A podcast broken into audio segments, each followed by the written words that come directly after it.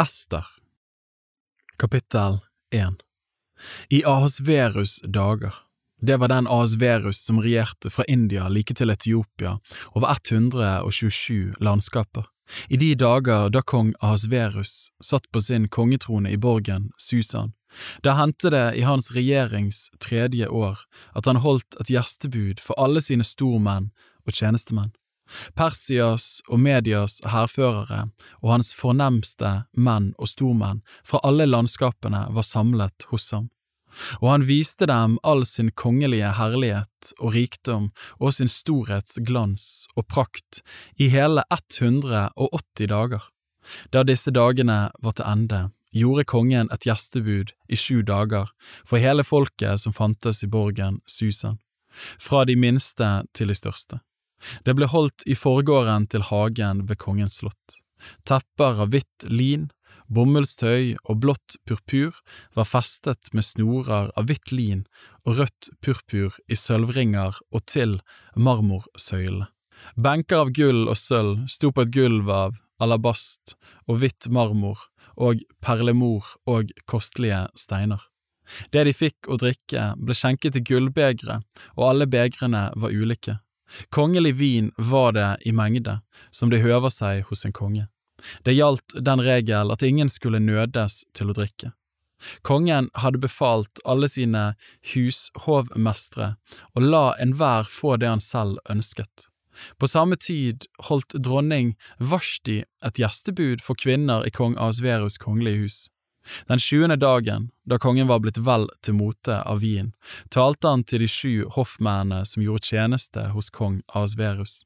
Det var med Human, Bista, Harbona, Bikta, Abakta, Setar og Karkas, og han befalte at de skulle føre dronning Vashti fram for kongen, med kongelig krone på, så han kunne la folkene og stormennene få se hennes skjønnhet, for hun var meget vakker. Men da hoffmennene brakte henne kongens befaling, nektet dronning Vashti å komme. Da ble kongen harmfull, og hans vrede ble opptent. Kongen talte da med vismennene, som forsto seg på tidene, for det var vanlig at kongens saker ble lagt fram for dem som forsto seg på lov og rett. Og de som sto ham nærmest var Karshena, Setar, Admata, Tarsis, Meres, Marsena og Memukan, persernes og medernes sju fyrster, som alltid hadde adgang til kongen og inntok de øverste seter i riket. Hva er det etter loven å gjøre med dronning Vashti fordi hun ikke har gjort det kong Asverus befalte henne gjennom hoffmannen? Da tok Memukan til orde for kongen og stormennene.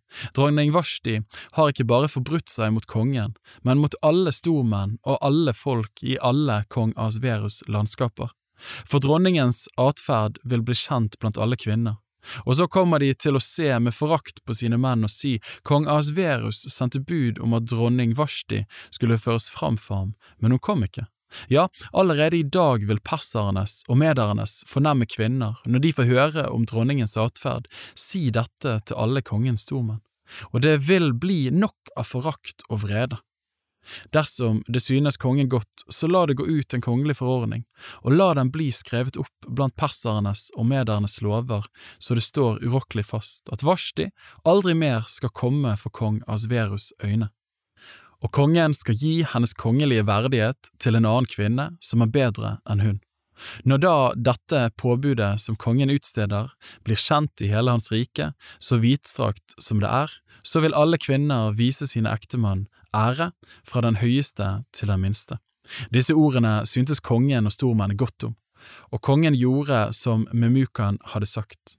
Han sendte skrivelser til alle kongens landskaper, til hvert landskap med dets skrifttegn og til hvert folk på dets språk, at hver mann skulle være herre i sitt hus og tale sitt eget folks språk.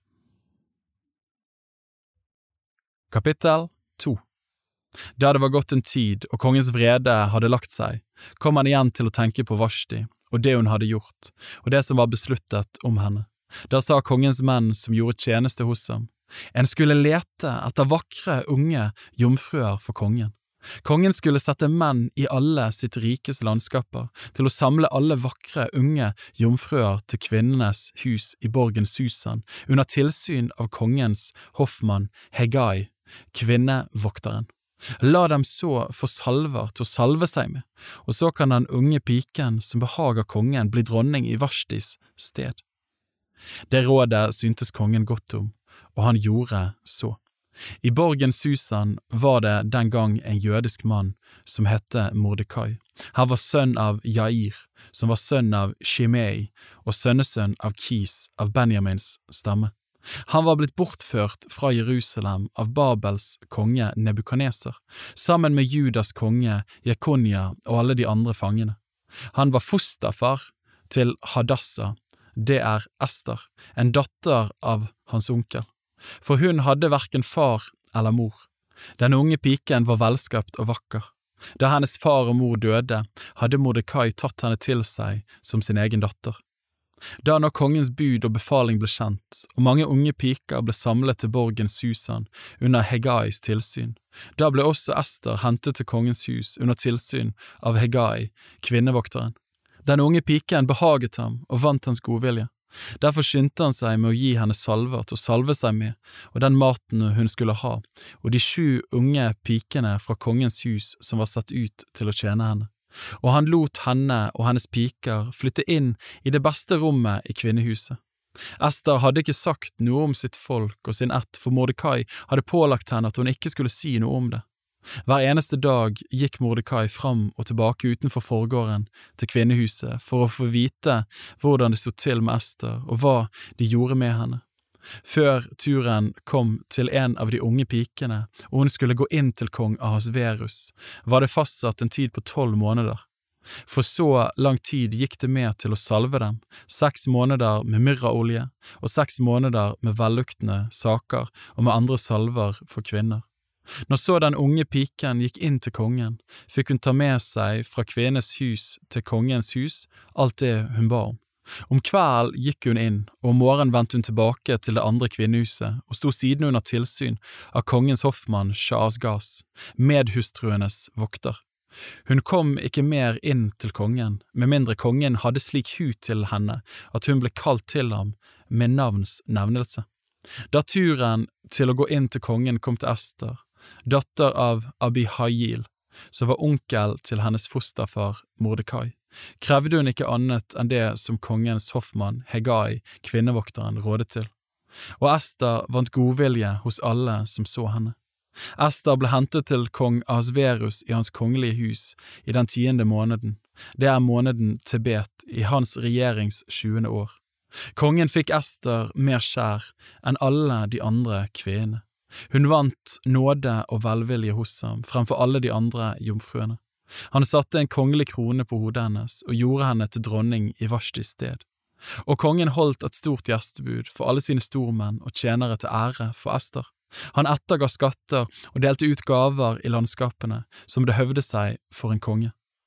Da jomfruene ble samlet for andre gang, satt Mordekai i kongens port, men Ester hadde ikke sagt noe om sin ett og sitt folk, for det hadde Mordekai pålagt henne, og Ester gjorde i alle ting som Mordekai sa, slik som hun hadde gjort da hun ble oppfostret hos ham. På den tiden da Mordekai satt i kongens port, ble Bigtan og Teresh, to av de hoffmennene hos kongen som holdt vakt ved døren, forbitret på kong Asverus og søkte en anledning til å legge hånd på ham. Dette fikk Mordekai kjennskap til, og han fortalte det til dronning Ester, og Ester sa det til kongen på Mordekais vegne. Saken ble gransket, og da det viste seg å være riktig, ble begge hoffmennene hengt i en galge. Dette ble oppskrevet i krønikeboken for kongens øyne. Kapittel 3 En tid etter opphøyet kong Asverus agagitten Haman Hamedatas sønn.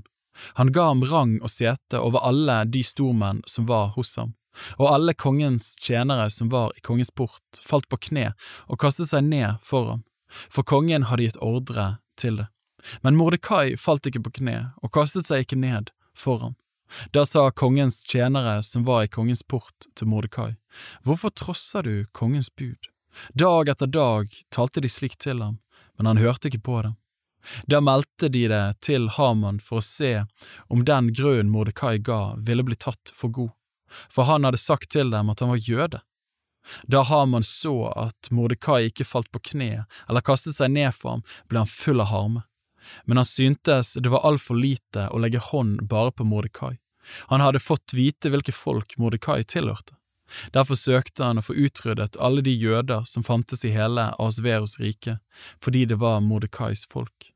I den første måneden, det er i måneden Nisan, i kong Asverus tolvte år, ble det kastet pur, det vil si lodd i Hamans nærvær om hver enkelt dag og hver enkelt måned, like til den tolvte måned, det måneden Adar. Og Haman sa til kong Asverus, Her er et folk som bor spredt for seg selv blant alle andre folk i alle ditt rikes landskaper. Deres lover er forskjellige fra alle andre folks, de holder seg ikke etter kongens lover, og det høver ikke for kongen å tåle dem. Dersom det synes kongen godt, så la det bli gitt skriftlig ordre om å utrydde dem. Da kan jeg veie opp ti tusen talenter sølv som embetsmennene kan legge i kongens skattkammer. Da trakk kongen signetringen av hånden sin og ga den til agagitten Haman, Hamedatas sønn, jødenes fiende. Og han sa til ham, sølvet skal være ditt, og med folket kan du gjøre som du finner for godt. Kongens skrivere ble da kalt sammen på den trettende dagen i den første måneden, og det ble gitt en skriftlig ordre nøyaktig slik som Haman bød, både til kongens satraper og til landshøvdingene for hvert landskap, og til høvdingene over hvert folk, til hvert landskap med dets skrifttegn, og til hvert folk på dets språk. I kong Asverus navn ble skrivelsen utferdiget, og den ble forseglet med kongens signetring. Så ble det sendt ilbud med skrivelser til alle kongens landskaper om at alle jødene skulle ødelegges, drepes og utryddes, både unge og gamle, små barn og kvinner, alle på én dag, på den trettende dagen i den tolvte måneden, det er måneden Adar, og at deres gods skulle plyndres. For at befalingen skulle bli kjent i hvert landskap, ble en avskrift av skrivelsen kunngjort for alle folkene, så de kunne holde seg ferdige til den dagen. Ildbudene dro av sted i hast etter kongens ordre, så snart befalingen var utferdiget på borgen Susan. Så satte kongen og Haman seg til å drikke, men byen Susan var forferdet. Kapittel 4 Da Mordekai fikk vite alt som hadde hendt, flerret han klærne sine og kledde seg i sekk og aske, så gikk han ut i byen med høye klagerop og han kom så langt som til plassen foran kongens port, for ingen som var kledd i sekk hadde lov til å gå inn gjennom kongens port. Og i hvert eneste landskap, overalt hvor kongens ord og befaling nådde fram, ble det stor sorg blant jødene, og faste og gråt og jammer, ja, mange laget seg et leie av sekk og aske. Esters unge piker og hoffmennene hennes kom og fortalte henne det. Da ble dronningen forferdet. Hun sendte klær til Mordekai som han skulle ta på istedenfor de sekkeklærne han gikk i, men han tok ikke imot dem. Ester kalte da til seg Hatak, en av kongens hoffmenn, som han hadde satt til å tjene henne, og hun bød ham å gå til Mordekai for å få vite hva som var på ferde og hvorfor han bar seg slik at. Hatak gikk ut til Mordekai på byens torg foran kongens port, og Mordekai fortalte ham alt det som hadde hendt ham. Han oppga for ham nøyaktig hvor meget sølv Haman hadde lovt å betale til kongens skattkammer for å få utryddet jødene. Han ga ham også en avskrift av den skriftlige ordren som var blitt gitt i Susan om å ødelegge dem. Den skulle han vise Ester og melde henne alt og pålegge henne å gå inn til kongen og be og bønnfalle ham om nåde for folket sitt. Hatak kom og fortalte Ester hva Mordekai hadde sagt. Da bød Ester Hatak å gå til Mordekai og si, alle kongens tjenere og folket i kongens landskaper vet at hvis noen, mann eller kvinne, går inn til kongen i den indre gården uten å være kaldt, gjelder det for hver og en samme lov, han skal late livet, hvis da ikke kongen rekker ut gullstaven sin mot ham. Da får han leve men jeg er nå i 30 dager ikke blitt kalt til å gå inn til kongen. Da Mordekai fikk høre hva Ester hadde sagt, sa han at de skulle gi Ester dette svaret. Du må ikke tenke at du alene av alle jøder skal slippe unna fordi du er i kongens hus. For om du tier stille i denne tid, så vil det nok komme befrielse og redning for jødene fra et annet sted. men du og din fars hus skal omkomme. Og hvem vet om det ikke er nettopp for en tid som denne at du har fått dronningverdigheten? Da sa Ester at de skulle gi Mordekai dette svaret, gå av sted og få samlet alle jøder som finnes i Susan, og hold faste for min skyld, så dere hverken eter eller drikker noe i tre dager, natt eller dag. Jeg og mine unge piker vil også faste på samme måte. Og så vil jeg gå inn til kongen, enda det ikke stemmer med loven. Skal jeg da omkomme, så får jeg omkomme. Mordekai gikk bort og gjorde alt det som Ester hadde pålagt ham. Kapittel 5 På den tredje dagen kledde Ester seg i kongelig skrud og stilte seg i den indre gården til kongens hus, midt for kongens hus.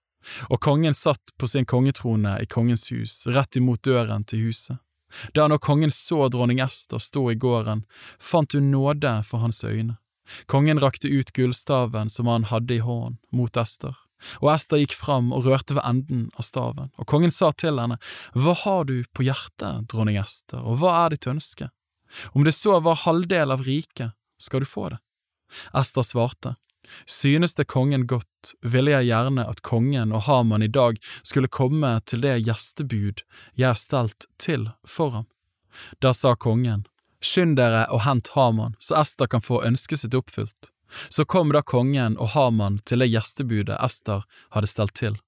Mens de satt og drakk vin, sa kongen til Ester, Hva er din bønn, du skal få det du ber om, og hva er ditt ønske? Om det så var halvdel av riket, så skal det oppfylles. Ester svarte, Min bønn og mitt ønske er, Dersom jeg har funnet nåde for kongens øyne og finner kongen det godt å gi meg det jeg ber om og å oppfylle mitt ønske, så må kongen og Hamon komme til det gjestebudet jeg vil stelle til for dem. I morgen vil jeg da gjøre som kongen sier. Haman gikk den dagen glad og vel til mote derfra. Men da han fikk se Mordekai i kongens port og la merke til at han verken reiste seg for ham eller var redd for ham, ble han full av vrede mot Mordekai. Men han holdt seg rolig og gikk hjem. Så sendte han bud etter vennene sine og sin kone Sheres, og han skrøt for dem om rikdommen sin og herligheten og om sine mange sønner.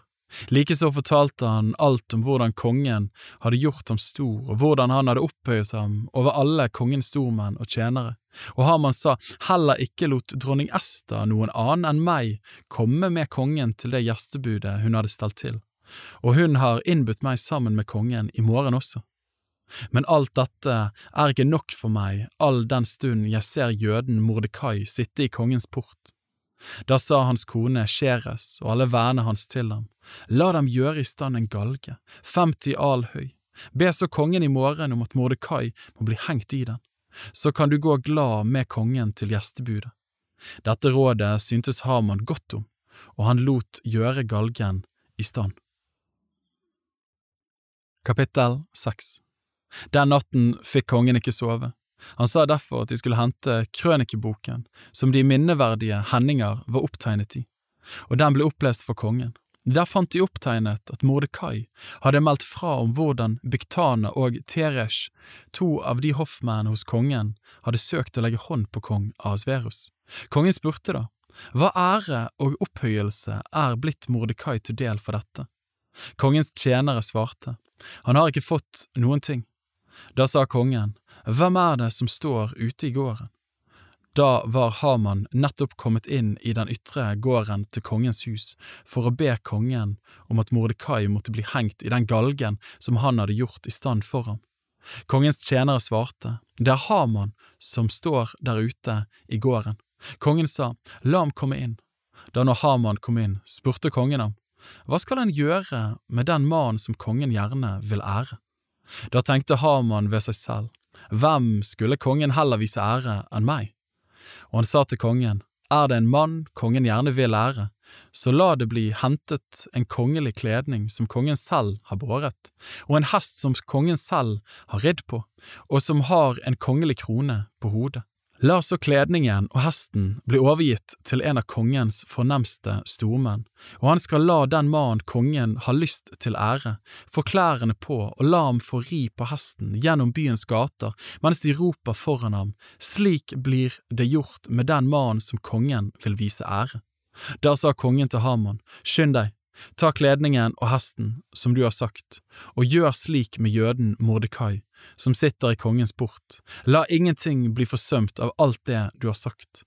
Haman tok kledningen og hesten og lot Mordekai ta kledningen på seg og lot ham ri gjennom byens gater og ropte foran ham, slik blir det gjort med den mannen som kongen gjerne vil ære. Så vendte Mordekai tilbake til kongens port, men Haman skyndte seg hjem, sorgfull og med tildekket hode. Han fortalte sin kone Sheres og alle vennene sine alt det som hadde hendt ham. Da sa hans rådgivere og hans kone Sheres til ham, hvis Mordekai, som du har begynt å stå tilbake for, er av jødisk ett, da vil du ikke makte noe mot ham. Du kommer til å stå mer og mer tilbake for ham. Mens de ennå talte med ham, kom kongens hoffmenn for i all hast å føre Haman til det gjestebudet Ester hadde stelt til. Kapittel 7 Så kom da kongen og Haman til gjestebudet hos dronning Ester. Mens de satt og drakk vin, sa kongen også denne andre dagen til Ester, Hva er din bønn, dronning Ester? Du skal få det du ber om, og hva ditt ønske enn er, så skal det bli oppfylt, om det så var halvdel av riket. Da svarte dronning Ester, har jeg funnet nåde for dine øyne, konge, og synes det kongen godt, så la meg få beholde livet, det er min bønn, og la folket mitt få beholde livet, det er mitt ønske. For vi er solgt, både jeg og folket mitt, til å ødelegges, drepes utryddes. Var det ende bare til å være treller og trellekvinner vi var solgt, da hadde jeg tid stille, for den ulykken ville ikke være stor nok til å bry kongen med. Da sa kong Asverus til dronning Ester, Hvem er han, og hvor er han som har dristet seg til å gjøre slikt? Ester svarte, En motstander og fiende, denne onde Haman der. Da ble Haman forferdet for kongens og dronningens øyne. Kongen reiste seg i harme, forlot gjestebudet og gikk ut i slottshagen. Men Haman ble tilbake for å be dronning Ester om sitt liv, for han skjønte at kongen hadde besluttet at det skulle gå ham ille.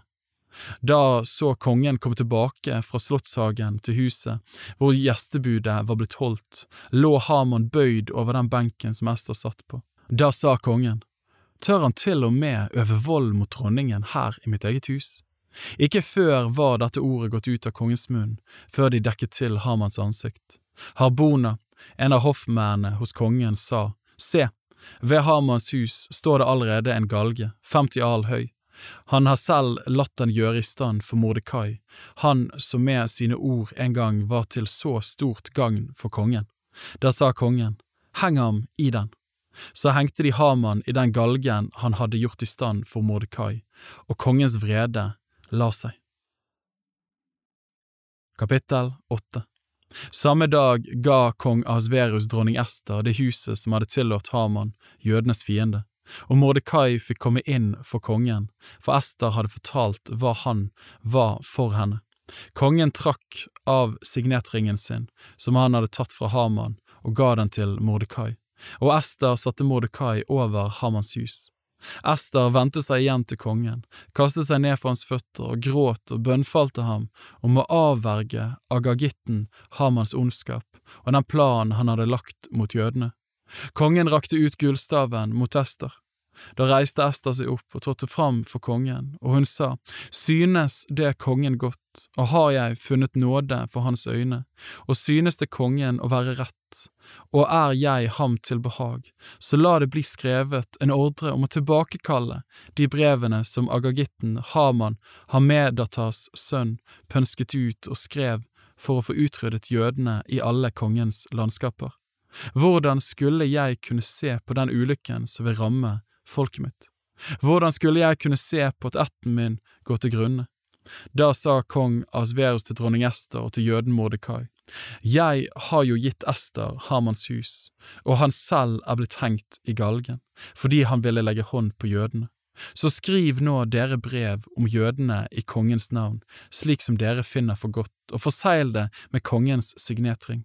For en skrivelse som er utferdiget i kongens navn og forseglet med kongens signetring, kan ikke tilbakekalles. Så ble da straks kongens skrivere kalt sammen på den 23. dagen i den tredje måneden, det er måneden Sivan, og det ble skrevet nøyaktig som Mordekai bød, til jødene og til satrapene og landshøvdingene og fyrster i landet fra India like til Etiopia, 127 landskaper. Til hvert landskap ble det skrevet med dets skrifttegn og til hvert folk på dets språk, også til jødene med deres skrifttegn og på deres språk. Han skrev i kong Asverus navn og forseglet med kongens signetring. Så sendte han brevene av sted med ilbud som red på travere fra kongens egne staller. I brevene sto det at kongen ga jødene i hver by lov til å slå seg sammen og verge sitt liv og i hvert folk og landskap fikk de lov til å ødelegge, drepe og utrydde alle væpnede skarer som angrep dem, endog små barn og kvinner, og plyndre deres gods, alt på en og samme dag i alle kong Ahasverus landskaper, den trettende dagen i den tolvte måneden, det er måneden Adar. For at befalingen skulle bli kjent i hvert landskap, ble en avskrift av brevet kunngjort for alle jøder, så jødene kunne holde seg rede til den dagen og hevne seg på fiendene sine. På kongens befaling dro ilbudene, som red på kongelige travere, av sted i største hast så snart befalingen var utstedt i borgen Susan. Mordekai gikk ut fra kongen i kongelig kledning av blått, purpur og hvitt lin og med stor gullkrone og en kappe av hvitt lin og rødt purpur, og byen Susan jublet høyt og gledet seg.